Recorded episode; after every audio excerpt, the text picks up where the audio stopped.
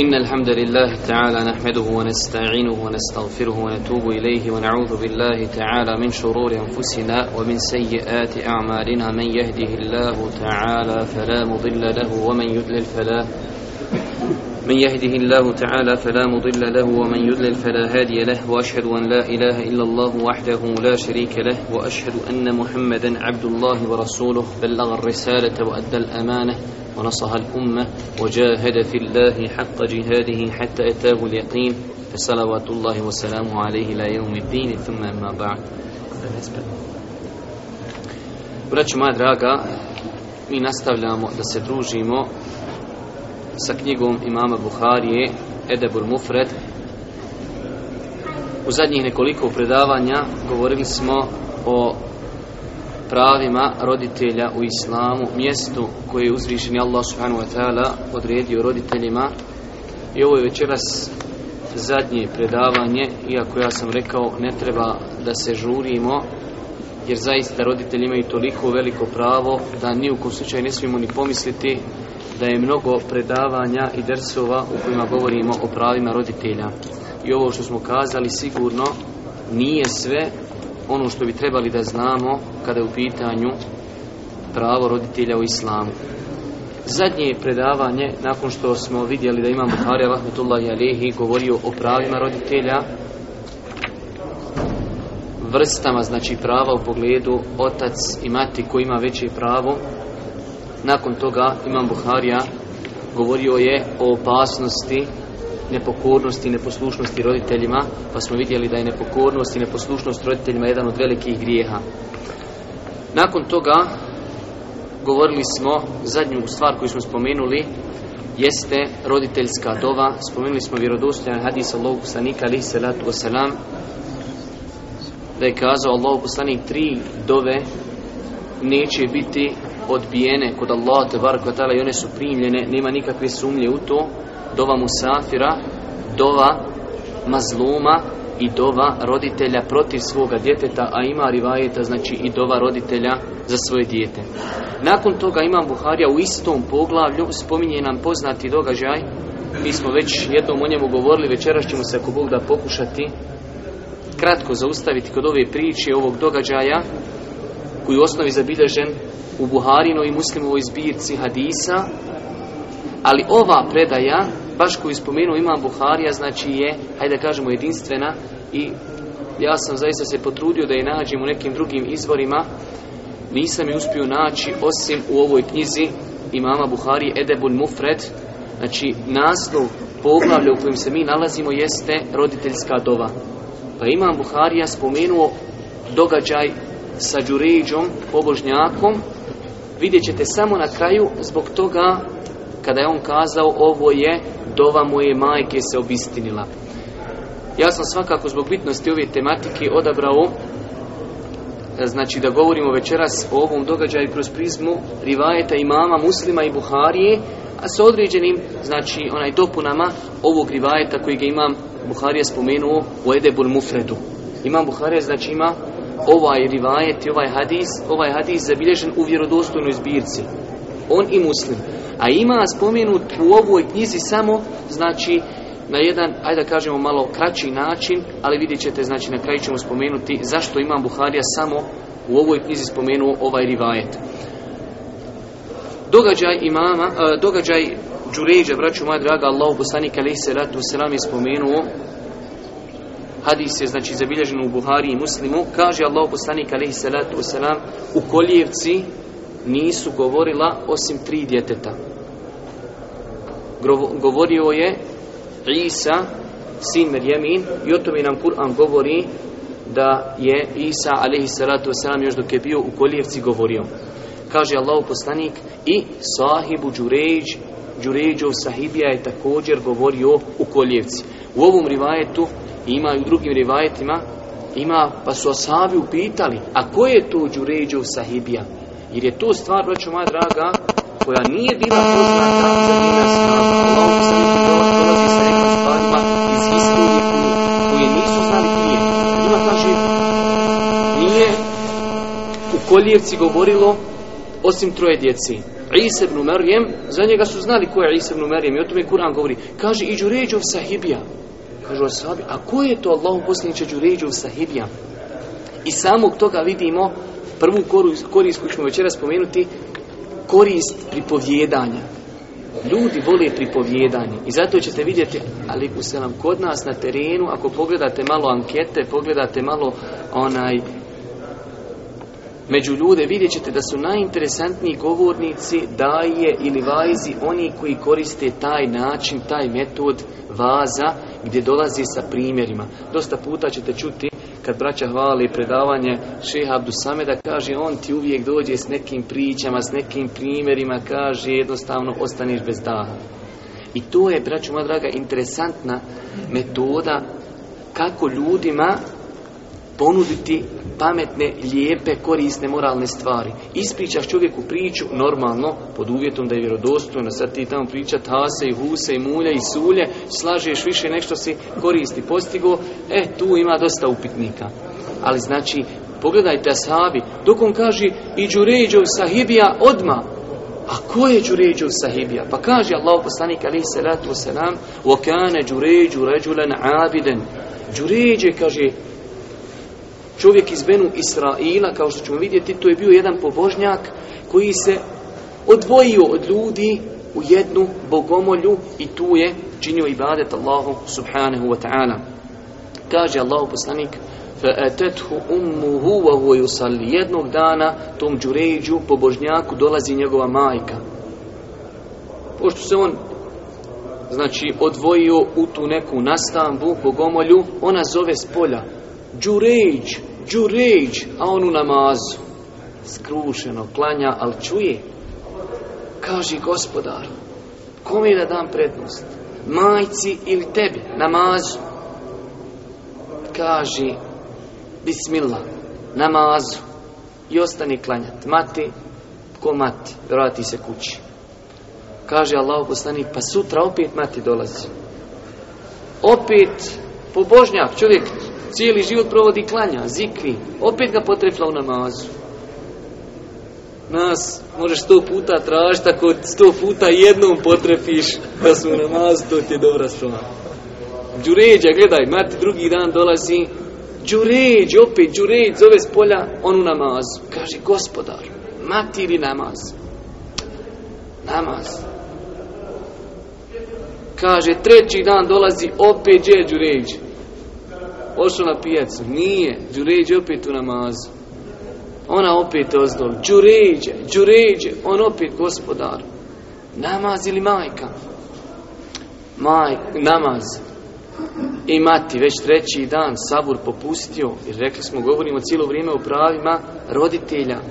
Roditelj ima velika prava, ne možeš mu se odužiti, kao što je rekao Allah poslanik, nikad u životu, osim u jednoj opciji, da ga nađeš u ropstvu i da ga oslobodiš opustio sabor kod te majke i kaže, pazite, upućuje Allahu dovu, samo kaže, da Bog da ne umru dok ne vidiš lica prostitutke. Ti si zatvoren sam, tu nema nikakve opcije da vidiš lice prostitutke. Ali ona dovi Allahu, kaže, da Bog da ne umru dok ne vidiš lice prostitutke. Samo da vidiš. U rivajetu muslima, to je majka, ipak njena nježnost kaže da je dovila Allahu da ga Allah iskuša, da ga na fitnu stavi, Allah bi ga iskušao. Ali dovila i tako će se i To Ono što je tražila, to je se i obistinilo. Znači zato treba paziti na mamu ko na oči u glavi.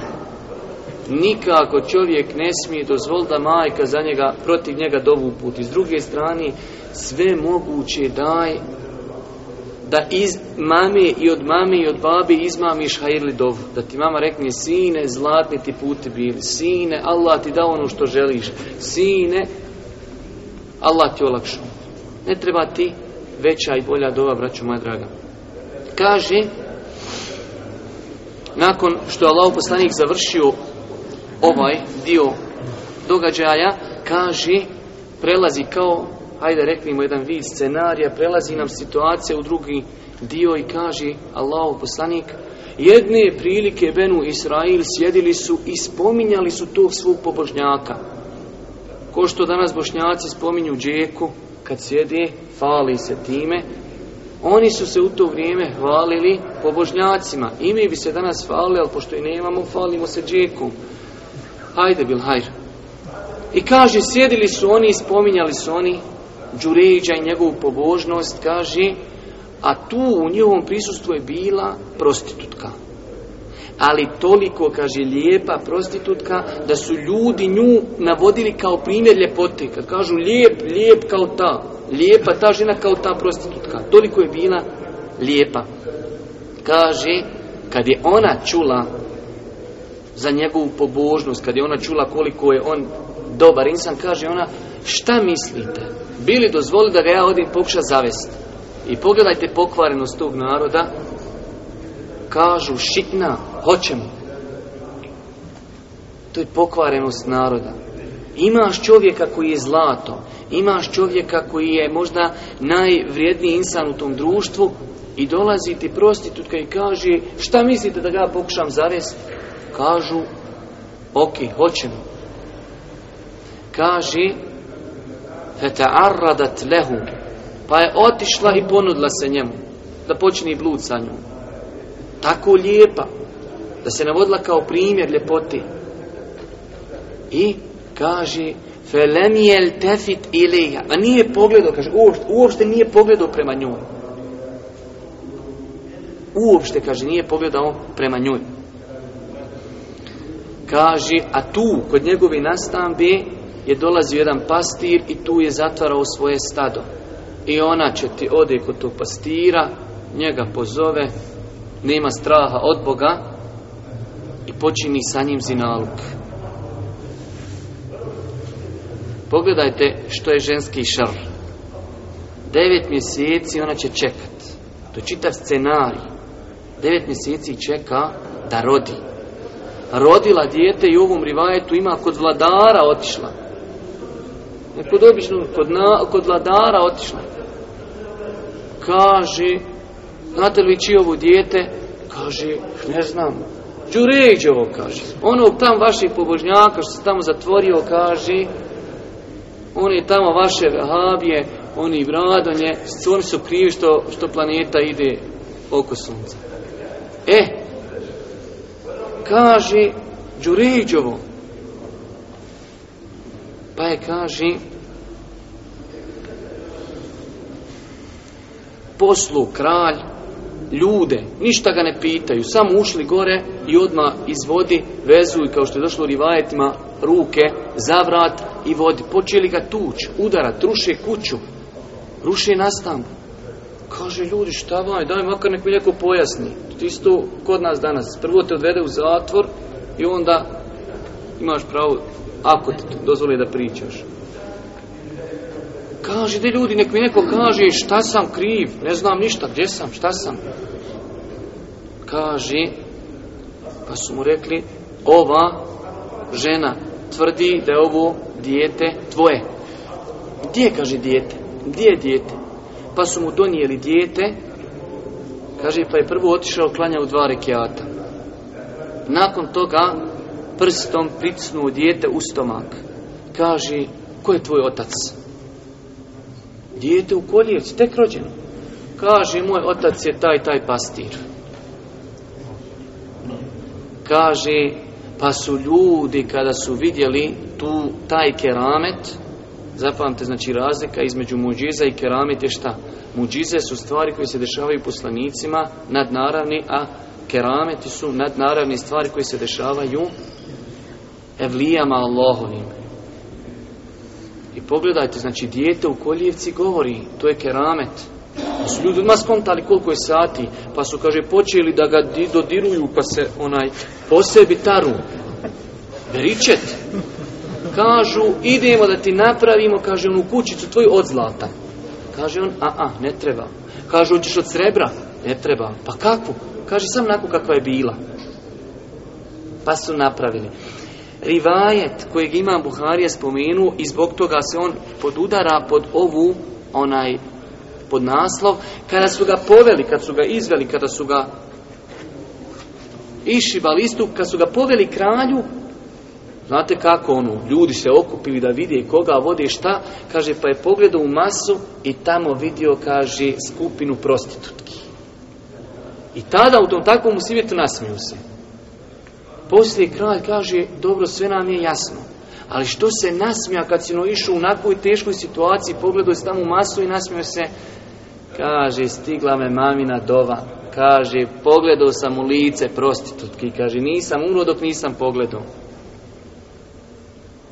Znači, ispunila se dova njegove majke i to je, znači, pojenta zbog koje je citirao imam Buharija ovaj hadis na ovom mjestu majčina dova. Normalno, zadnja i treća osoba, oni koji su pratili, prva osoba Isernu Marijem, druga osoba Đuređov Sahibija i treća osoba kaže Allah poslanika ali se ratu sram jedne prilike kaže sjedila majka i ranila svoje dijete u naručju kaže pored njih je prošao čovjek konjanik, ugledan, uglancan, lijepo Kaže, pa je majka rekla gospodaru, daj ovo moje dijete, nek bude ko ovaj konjanik, u smislu nek tako budi.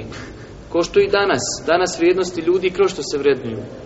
Ko ima bolje auto, ko ima bolji mobitel, ko ima veću kuću, ko je više puta na more otišao, je, to su vrijednosti ljudske. I tako je džaba, eto, davnina ljudi, neki ljudi budu zavarani time. Istinska vrijednost insana je njegov moral. Istinska vrijednost insana je njegova vjera. Istinska vrijednost insana je njegov edeb, njegov, njegova četnost, njegovo poštenje, njegova iskrenost. To je istinska vrijednost. Mobitel, mobitel, auto, auto, nikog mobitel ko mobitel nije uveo u džennet. Pa kaže ona, po vanjštini onako, gospodar daj da moje dijete bude ovako. Kaže pa je dijete, kad je čulo taj govor, odaljilo se od majčinih grudi i kaže, gospodaru nemoj sam da budem ovakav. I opet se vrati, opet nastavno jest. Kaže, pa je malo prošlo, proveli su jednu ženu i tuku je, govori ti si ovo, ti si ono, ti si ono. kaže žena, gospodar, sam nek mi ovo dijete ne bude ovako. Dijete, kaže, opet, kaže, pusti grudi, kaže gospodaru, učini me da budem ko ova žena.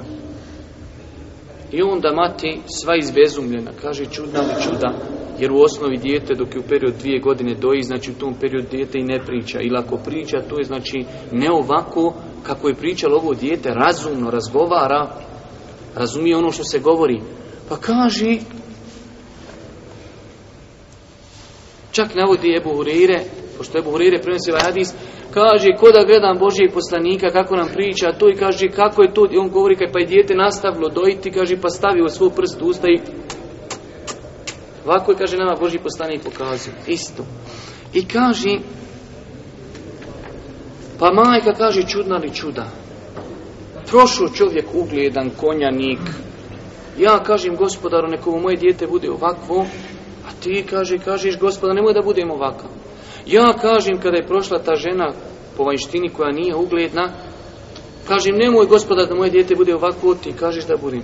I onda dijete odgovara majci, kaže, taj čovjek koji je prošao iako vanjštinom lijep, to je samo celofan, kao što su danas mnoge stvari umotane u celofan, pa ljudi zlo vide dobrim, ljudi se natječu ko će više pošljokat, ko će više opsovat, ko će više prevarit, ko će se više zinaluka, a oni koji su čestiti moralni, oni su na nivou državnom prozvani kao neki konzervativci. I kaže ovo dijete materi svojoj, kaže taj čovjek, to je samo vanština, ali on veliki nasilnik. I zato, ne daj Bože da budem kao on. A ona žena što su je tukli, vodili, spominjali neke stvari, kaže ona nije takva, ona je čestita, moralna, zato sam, kaže, tražio od Allaha da budem kao ona. Ovaj je, vraću, moja draga, hadis, kao što smo mi svaku noć imali običaj, zaustavit ćemo samo kod nekih njegovih poruka, jer ako bi želio znači, da se zaustavimo kod svega što on nosi, sigurno bi nam trebalo dosta vremena. Prva stvar, rekli smo da je interesantan metod kazivanja, naročito naš narod. Naš narod koji je koji je naučio slušat neke hićaje, onaj koji su dosta puta i lažni i izmišljene, treba ljudima dati alternativu. Alternativa je kuranska kazivanja, poslanička kazivanja, priče o poslanicima, priče o dobrim ljudima, treba ljudima kroz taj metod dostavljati istinu. I to pogotovo kad su u pitanju ljudi koji radi u prosveti, profesori, učitelji, vjeroučitelji. Znači, to je, braćo moja draga, izuzetno interesantna metoda kako ljudima dostaviti istinu, a s druge strane to ostavlja traga na ljude. Zato kad sjedite malo sa starijim ljudima, vidjet ćete, kaže, tamo neki rib, slušao sam ja davno tog i tog priču nam tu hičaju. I on tu hičaju, pošto radnik ne zna ni Kur'an, ne zna ni hadis, za njega je ta hičaja glavni dokaz u onaj u životu. Znači, ljudi uzimaju stvari kroz praksu, jer što se desilo u toj hičaji, svakako može se prenijeti i na drugo vrijeme. Zato, onaj, kažemo, treba ovu metodu koristiti, ali normalno pod uvjetom da čovjek ne izmišlja i ne laži, Boži poslanik kaže teško se onome, teško se onome, teško se onome koji kaže govori laži da bi nasmijavao ljude. Znači treba se paziti toga. Iako u velikom broju slučajeva znači mi odemo u jednu od dvije krajnosti. Druga stvar, braću moja draga, ova priča nosi u sebi korist kolika je čovjekova potreba za šerijatskim znanjem. Otkri smo to uzeli. Uzeli smo iz događaja da je Đurejić, kao što kaže Allah poslani, kane abiden, bio je pobožnjak, ali nije bio učenjak. Iz čega vidimo da nije bio učenjak? On u nafili. Nafila je, šta je nafila riječ nafila? Dobrovoljni namaz. Zove ga njegova majka, odazvati se majci, pokoriti se majci je stroga obaveza. I on mu Allah oprosti i nama svima, nije mogao shvatiti da je prioritetnije da prekine na filu i da joj da prednost nad farzom. Znači, braću moja draga, to može samo shvatiti insan koji ima šerijatsko znanje. Da zna koja stvar je koliko teška. Eto, on je shvatio da je na fila na većim stepenu, na većoj deređi od pokornosti a Ako pogledamo mi, Jeramukella. Kada pogledamo šerijatske dokaze, znači vidimo šta je na fila. Na fila je dobrovoljni namaz koji čovjek kada klanja ima sevap, ako ga ne klanja neće biti griješan, ali pokornost roditeljima, dobročinstvo majici je stroga obaveza. I nemoguće je da uopšte čovjek postavi vagu i da vaga da li dati prednost dobrom namazu nad dobročinstvu roditeljima. Zato islamski učenjaci baš na osnovu ovog hadisa kažu, ako se desi da je čovjek u nafili, i njegova majka ga zove i njegov roditelj nešto želi da mu naredi i ako pretpostavi da bi se oni mogli naljutiti, dozvoljeno mu je da preda selam, da prekini namaz i da se njima odazove Pogledajte samo ovaj hadis, šta kaže Allah poslanik i to nam je potvrda zašto tolika razlika između učenog i pobožnog. Kaže Allah poslanik u Hadisu imama Tirmizije Budavuda, ko kreni putem traženja znanja, Allah će mu tim putem zbog toga olakšati put ka džennetu. Meleki prostiru svoja krila iz zadovoljstva. Prostiru sva krila kome? Onome koji krenu putem traženja znanja i zadovoljstva prema onome što on čini. Kaže, za učenog traži oprost. Stanovnici zemlje, stanovnici nebesa, pa čak riba u vodi i čak mrav u svojoj nastavki. Za učenog čovjeka, braćo moja draga. Kaže, kraj hadisa, vrijednost učenog nad pobožnim je kao vrijednost mjeseca u noći uštapa. Noć uštapa je 15. noć u ovom hijđetskom mjesecu, kada je mjesec pun. E kaže Allah poslanik vrijednog učenog nad pobožnim je kao razlika između mjeseca i kaže ostali zvijezda. ste koliki mi mjesec vidimo u 15. noći, velik, obaseo, čitavu zemlju, a zvijezda pored njega malehna. E tolika je razlika između učenog i pobožnog. Sjećate se onog hadisa i o njemu smo nekada govorili dugo, onog čovjeka koji je ubio 99 ljudi isto iz Benu Israila. Čovjek ubio 99 ljudi i otišao tamo kod pobožnjaka nekog opet za luto kod njega. Kaže, mogu li se ja pokajati? Če se ti, kaže, pokajati. Kako, se, kako te nije stid pita? Tu bio 99 ljudi. On sablju, kad nema, sad neće ni tebe biti. Sto, pa odi kod učenog.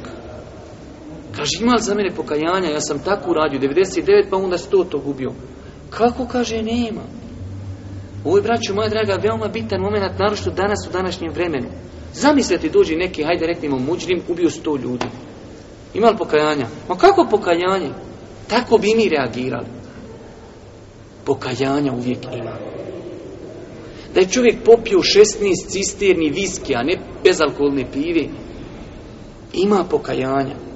Da je čovjek uradio to i to, da je uradio kad ima mogućnost da čovjek koji u nevjerstvu i kufru, bio 90 godina i samo ako dan prije što umri primi islam, on se spasio vatre Ako za njega ima, koji 90 godina bio u kufru, kad ti dođe onda neki insan koji se već deklariše kao musliman i zna da ono što čini je grije, kaže mogu se ja pokajati. Ma kako ne možeš? Ma brate muslimanu, Allah te nagradio bujrum. Pretekni smrt, okrijeni novu strancu u svome životu. I ovaj učenja kaže, ima, ima. Samo kaže ti živiš u lošoj sredini, idi tamo, ima drugo selo negdje gdje ljudi praktikuju vjeru, idi tamo kod njih. Pa je krenuo i napola puta, umru i svi vi znate taj događaj, ali je pojenta otišao prvi put kod pobožnog. I to pobožno koštalo, što nije imao znanja. Znači, braću moja draga, velika potreba za šerijatskom naobrazbom, naročito u današnjem vremenu, današnje vrijeme, vrijeme iskušenja, smutnji, kada je se teško, vjerujte, učenim ljudima snaći. Danas tako ima pitanja na terenu da se učeni ljudi teško snalazi.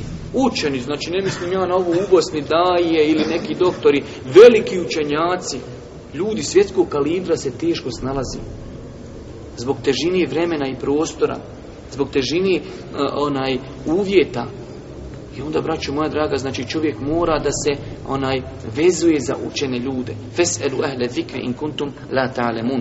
Pitajte učeni ako ne znate. Također, braću moja draga, ovaj nam hadis ukazuje direktno i indirektno kakva velika nedača i musibet i ne, neki, ajde kažemo, stvari koje nisu poželjni i sani kako ga mogu zadesiti ako ne poznaje prioritete u životu. Ja bi, vjerujte, mogo, molio, mogao govoriti o ovoj tematici. Neko će me shvatiti, neko me neće shvatiti. Pogledajte šta je se desilo Đuređu ne poznavajući prioritete u životu, ne poznavajući da je dobročinstvo majici prioritetnije od nafile namaza, zadesilo se da ga je majka njegova, što bi rekao naš narod, proklela nepoznavanje prioriteta. Otvoreno govorimo. Vi znate da ja nekad volim otvoreno, pa makar se meni o glavu odbilo. Koliko smo mi belaja napravili u našoj Bosni ne prioritete. Isto Đuređ, isti smo ti, mi slučaj Đuređa. Dođeš u džamiju i ono amin koji je po konsenzusu leme sunnet, ti ga rekneš i hođa zbog tebe prekine namaz i kaže koji je rekao amin napolje. A po konsenzusu leme je to sunnet čoveče. A zbližit džemat, zbližit srca ljudi, ne provocirat ljude, to ti je vatavno, ali birri takva, potpomažite se na dobru i na istini. Nismo znači bili shvatili da su to stvari sunnet, a da možemo toliko te ljude odaljiti od sebe da mu sutra ne možeš ukazati na krupne stvari.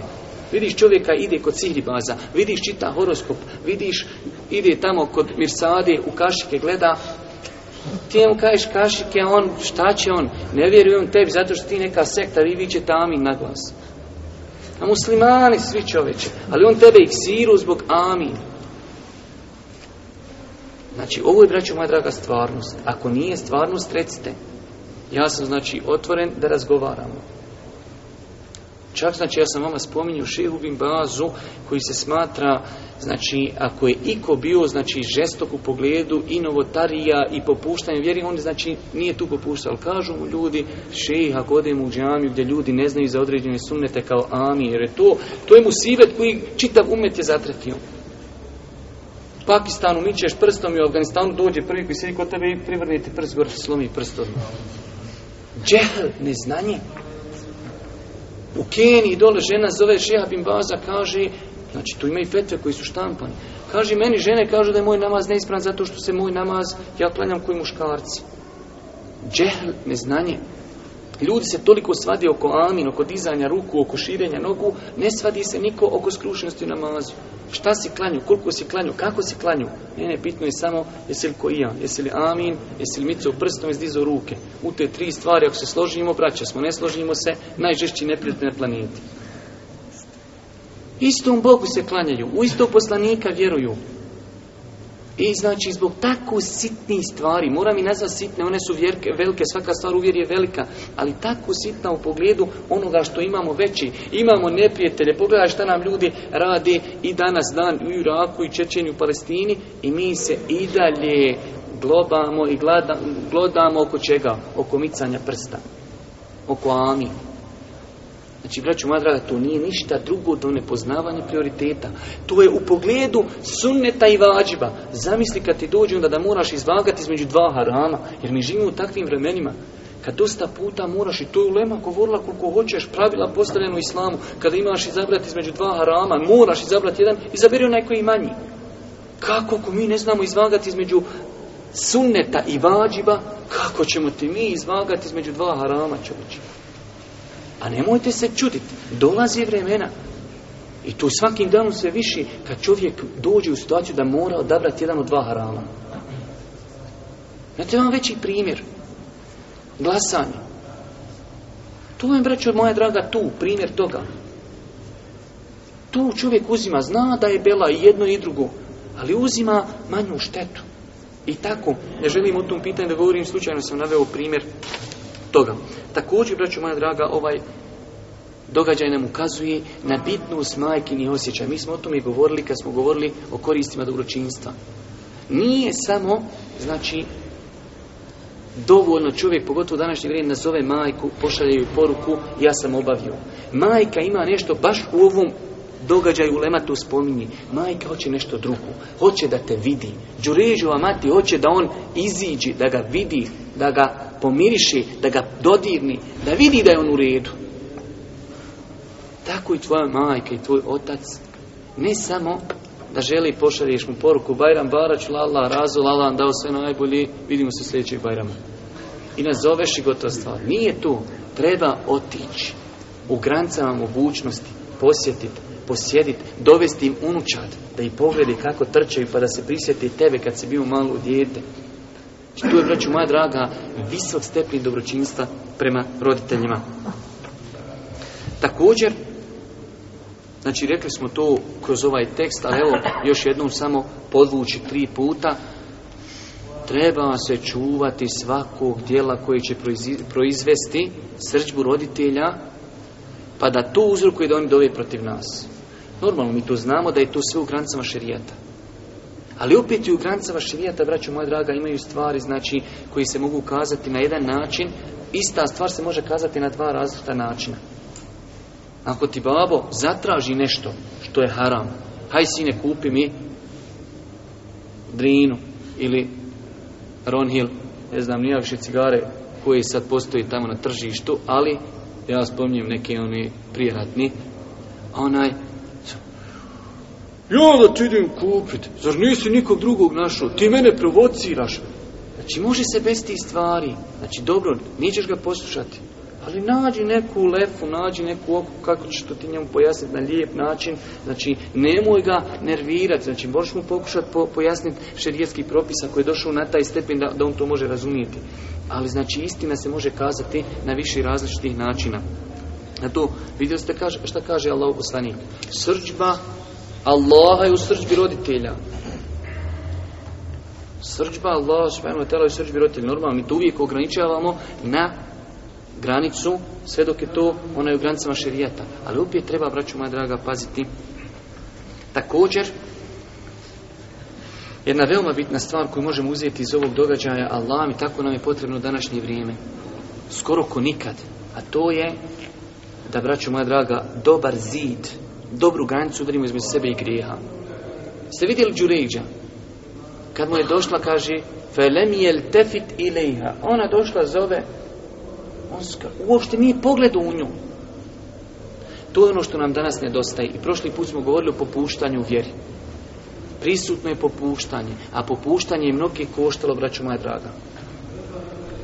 Koliko je brakova koji su razoreni kad? onog momenta kada je u kuću ušao internet, onog momenta kada muž i žena nisu postavili sebi jasne smjernice kako se internet koristi. Muž odjednik jadnik, nabacuje tamo tuđe kuće, malteriše, a žena čatuje sa braćom muslimanima. Brate musliman, to je haram, to je halal, gore dole sestra musliman, kod jesi, evo me brate, i tako. I sutra se sestra muslimanka udaja još, još u prvom braku. Takva pitanja nama dolazi, vjerujte. Kaže, žena mi se udala, ali ja uopšte nisam pustio čoveče. Ima li to iđe? Pa nema, rekao, niđe osim kod tebe. Šta je Bela? Bela je rekla, Bibi, tvoj internet. To je vatra u kući koja gori. Sad, ako ne postaviš oko nje fino kamenje, to ode tamo, izgoriše čilim. Izgoriti dunjaluk, ti ahiret.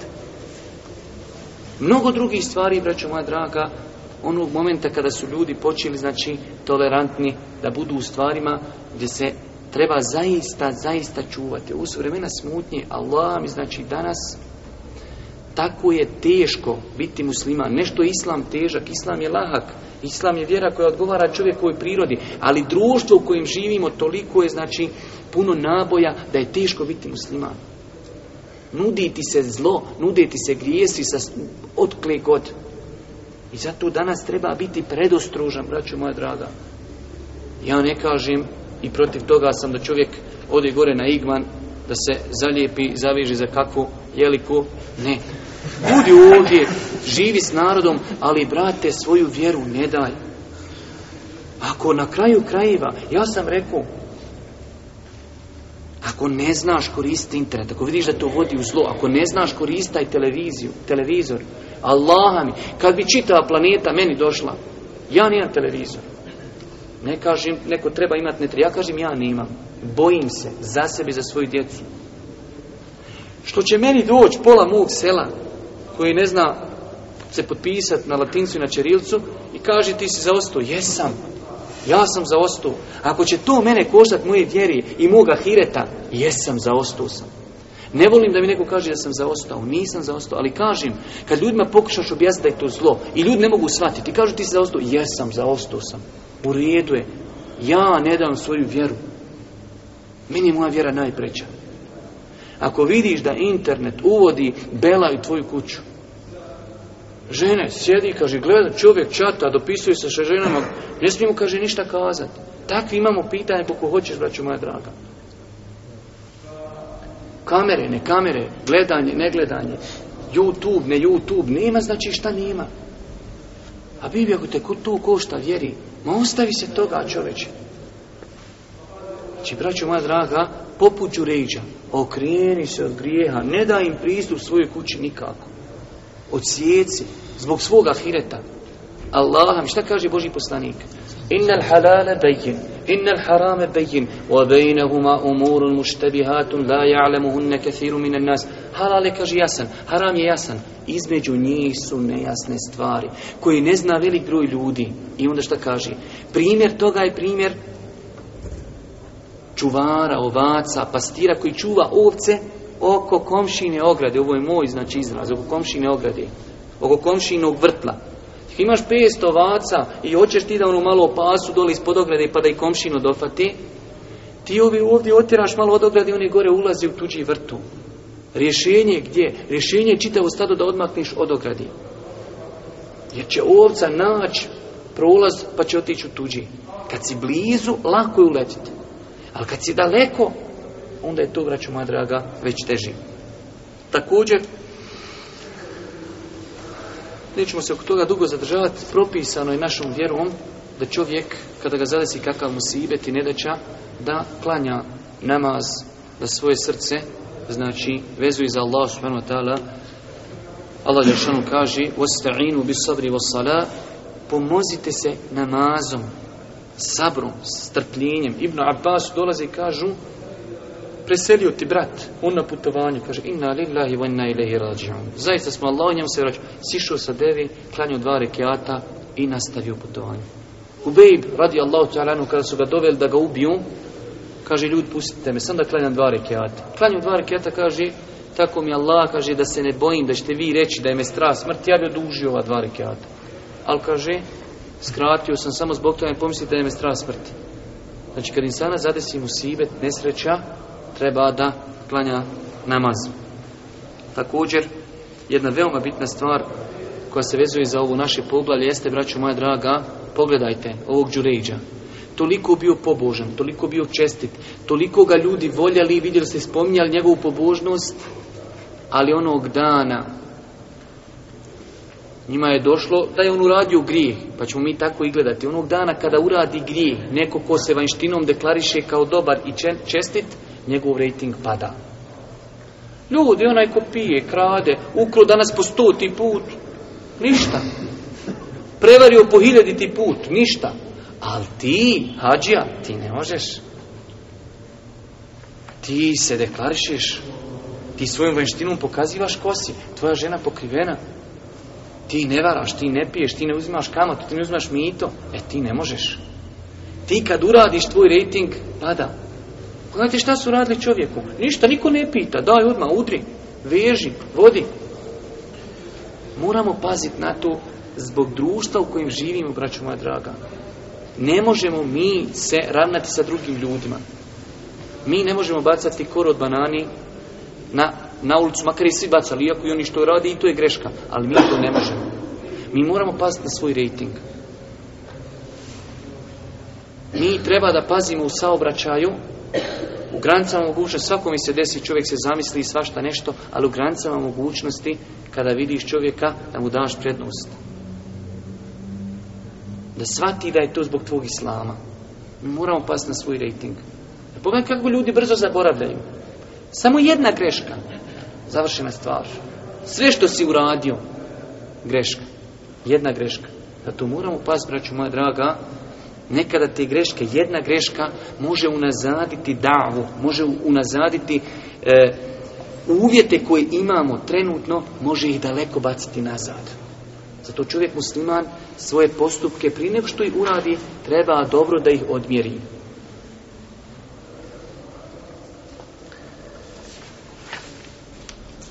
I zadnja stvar, braću moja draga, ovaj hadis nam jasno ukazuje koliki je šar ženski šar. Zato Allah poslani kaže nisam ostavio nakon sebe gori iskušenje od žena. To čovjek, znači, u tim također pitanjima, braćo moja draga, treba, znači, da postavi sebi jake uvjete, znači, kad je u pitanju komunikacija sa ženama. Mi nastavljamo, ako Bog da, onaj, koliko imamo još vremena? minuta Dobro. Još ćemo, braćo moja draga, da privedemo kraju ovo naše poglavlje. Uzet ćemo samo dvije, tri predaje, pošto Imam Buharija na kraju ovog poglavlja citirao je dosta izjava sahaba. Velik broj njih su daif, a mi smo rekli da daif predaj nećemo puno tumačiti. Uzet ćemo samo jedan ili dva hadisa koji su nam interesantni. Nakon toga Imam Buharija je spomenuo predaju u poglavlju pozivanje majke i kršćanke u islam, onaj događaj sa imamom Buhariju, mi smo njega komentarisali. Pojenta je, znate kada imam, e, kada je Ebu očeo Božijem poslaniku, kaže dovi za moju majku da primi islam. Pojenta je prije toga što on kaže, a ja sam priželjkivao, trudio se da moja majka primi islam. I to je naj, i zato imam Buhari citirao u predaju u ovom poglavlju. Najveće dobročinstvo roditelju jeste ne do Allah. Ako je nevjernik, da ga pozoveš u islam, da ga pokušaš spasiti vječni patnje džehennema. To mu je najveće dobročinstvo koje možeš uraditi. Zato imam Buhari citirao ponovo ovu predaju, iako je već jednom citirao, citirao je u ovom poglavlju dobročinstvo majci kroz način da ih pozoveš u islam.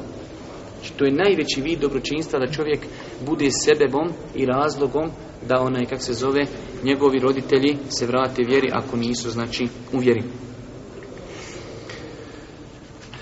Također, nakon toga, Imam Buharija dolazi s poglavljem dobročinstvo roditeljima i nakon njove smrti. Citira hadis koji u osnovi baif, ali njegovo značenje ispravno.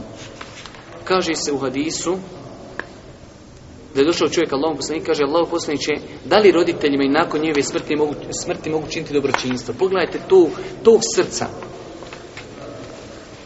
Da čovjek kaže, roditelji umrli.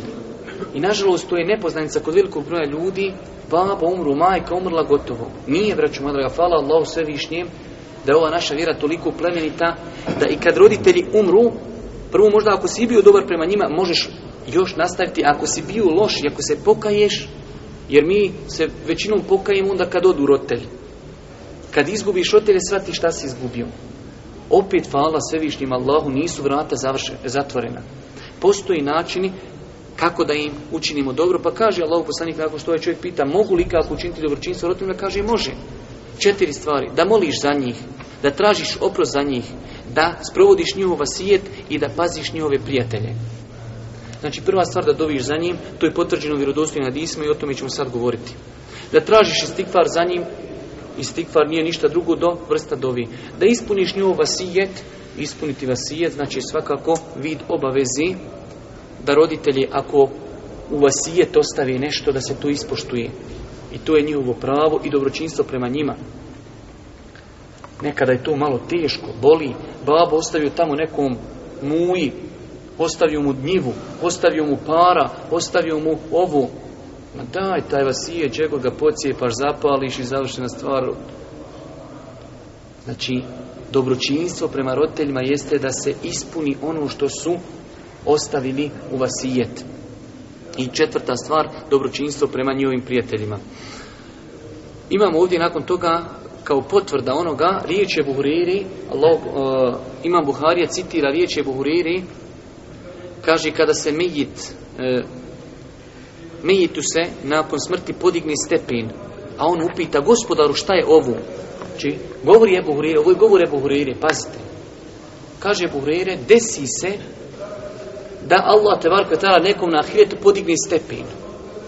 Kaže taj rob svom gospodaru, pa dobro, šta, što se meni stepeni podižu? Jer moj stepen je odno mojim dijelima i tu sam dobio deređu. Ali povećaj im se, šta je to? Kaže, tvoje dijete moli za tebe i tih farčini. Ali ovo su riječi Buhuriri. Inače imate zapamte jedno pravilo. Ovaj rivajec, znači ovakav više Albani za njega kaže da je dobar, vjerodostojan ashabi kada govori o ahiretu, o stvarima gajba. Ovo ne može niko od nas govoriti osim s dokazom. Zato imate pravilo kod učenjaka da kad ashab govori o ahiretu, o stvarima koji se ne mogu saznati osim kroz oba objavu, to ima statut hadisa. Jer oni ne smiju govoriti o kako će Buhurire kazat, kako će Buhurire kazat, zašto to od nas niko nije rekao? On je to rekao Allah najbolje zna zato što je to čuo od Božih poslanika. Nije rekao Allahu poslanik je rekao, ali dok govori o ahiretu, stvarima koji su gajb za nas, ne smiju se govoriti osim onaj sa znanjem. Nakon toga Imam Buharija nam citira hadis, poznati hadis, vjerodostojan hadis, da je Allah poslanik kazao, kada kaže preseli insan, njegova dijela prestaju. Insan umire, Normalno, dok insan živi, radi dobra djela. Ali kada umri, kaže, prestaju dobra djela. Osim u tri slučaja. Pogledajte Allahu grahmeta prema ovom ummetu. Pogledajte milosti. Pogledajte, mi noće sjedimo i kažemo, reko, imam Buharija, kazu imam Buharija. Vjerujte, ko što vjeruješ da je današnji dan petak, tako mora da vjeruješ da, mi, da imam Buharija, od ovog našeg sila ima korist. A kad je umro? prije 1200 godina. A na njegov tamo defter dobrih dijela kapa. Zbog toga što mi koristimo dijelo koje, koje je on napisao. Znači, to je velika blagodat i zato želim večeras ovdje malo samo da se zadržimo, time ćemo završiti ders. Svako od nas, braću moja draga, treba između sebe i Allaha da pokuša sebi naći izvor odakle će njemu kapat nakon njegove smrti. Dunjaluk jest dunjaluk i treba rad za dunjaluk u granicama mogućnosti, ali treba razmišljati na duži staze. Razmišljati o ahiretu. Razmišljati o tome da odiješ sa dunjaluka, a tebi dalje teče i kapa. To su investicije, vraću moja draga. A toliko je toga, tako je to olakšano. Naročito u današnje vrijeme. Pogledajte, kaže Allah osim u tri slučaja. Trajna sadaka Sjedi, brate, planiraj, kontaj. Ko što kontaš, kako ćeš se oženiti po drugi put, po treći put, ko što kontaš, kako ćeš kuću napraviti, ko što kontaš, kako ćeš auto opraviti, ko što kontaš mnoge stvari, sjedi i kaži, daj da nešto izmislim, daj da nešto isplaniram, djelo koje kad ja umrem, ono će ostati. Tako razmišljaj, razmišljaj ahiretsku investiciju da imaš. Mala, mala, je nakapaći kamen po kamen palača, zrno po zrno pogača. Ali ako nema ni kamena, ni kamena, ni zrna, ni zrna, Vlada ostaje. Ni pogači, ni, ni palači. Na, ostaje nešto da kapa. Ako moraš ilhamdla da teče mlaz, to još bolji. Znači, razmišljaj, imaš li kakvu ahiretsku investiciju? Ja Dosta puta imam običaj najbolja investicija je investicija islamska. Da čovjek uloži nešto u islam.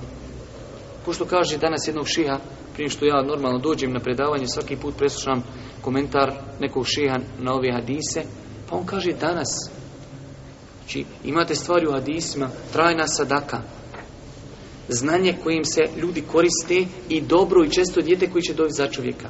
Kaže korisno znanje.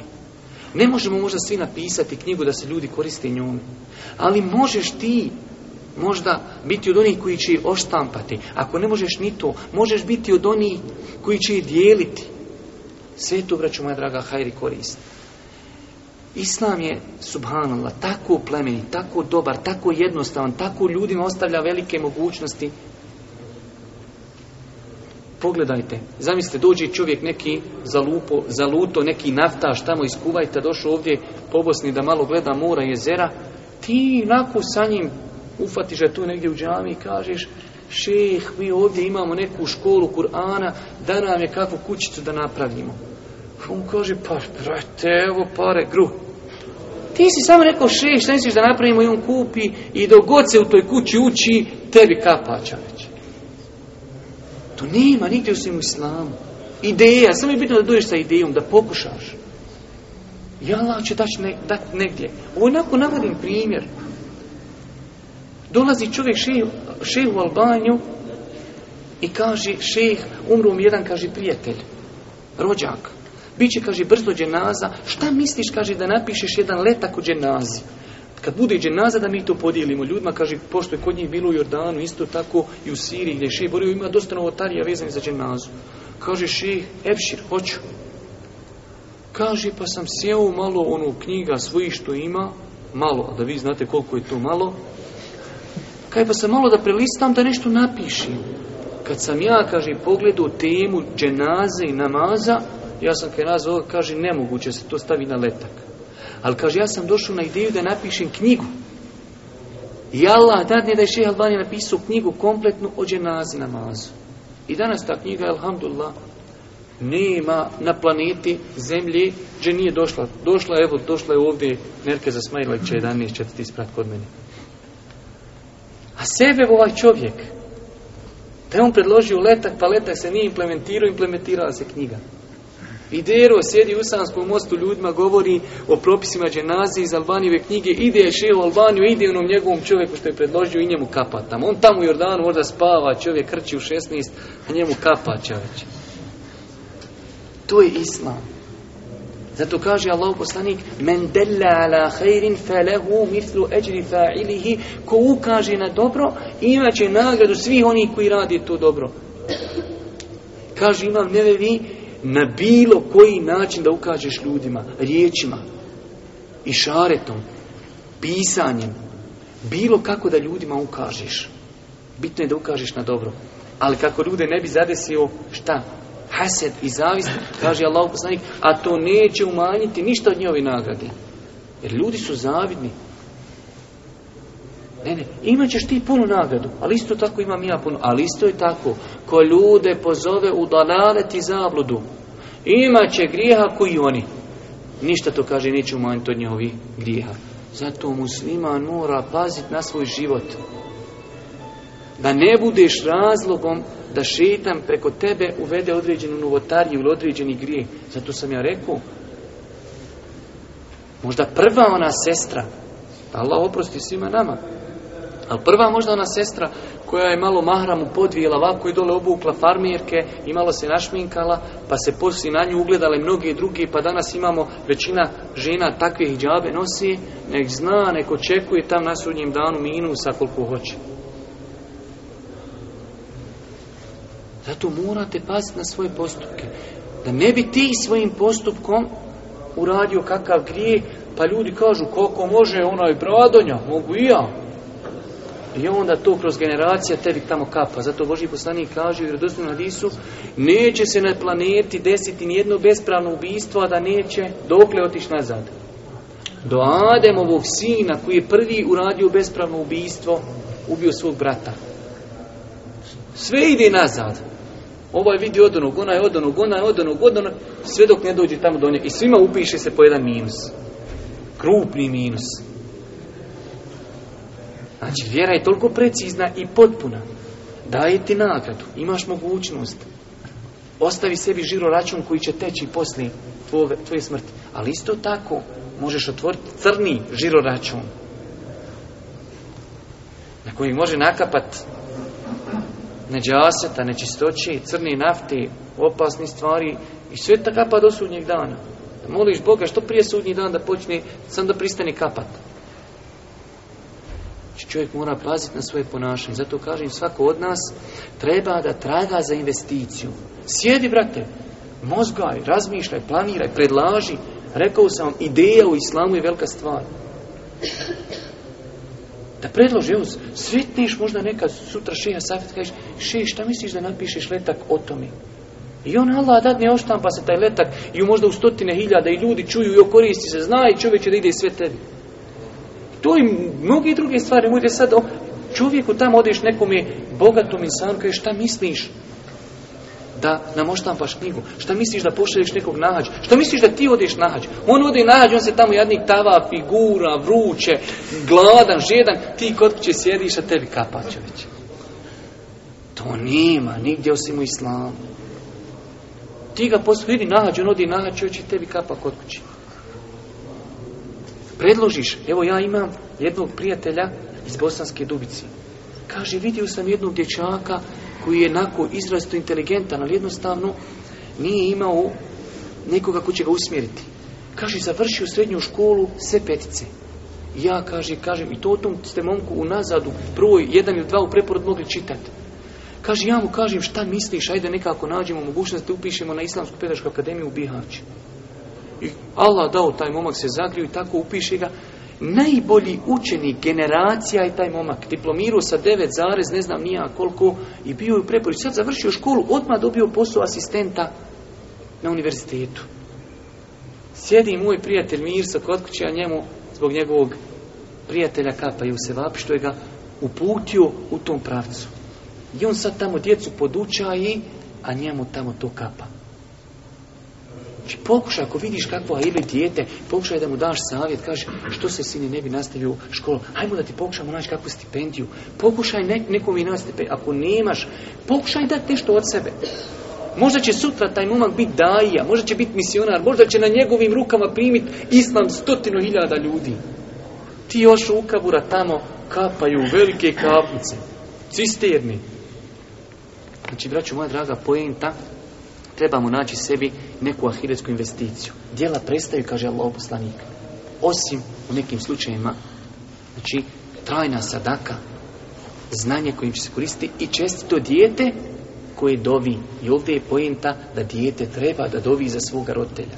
Ako su roditelji i živi ili mrtvi, treba da dovi dijete za svoje roditelje. Ako su živi, da dovi Allah da ih učvrsti, da ih pomogni, da ih uputi, da im podari zdravlje, lahku smrt ako su preselili, da ih moli Allah da, da im oprosti, da im poveća deređe, da im se smiluje, da im da svoj rahmet i svoju milost.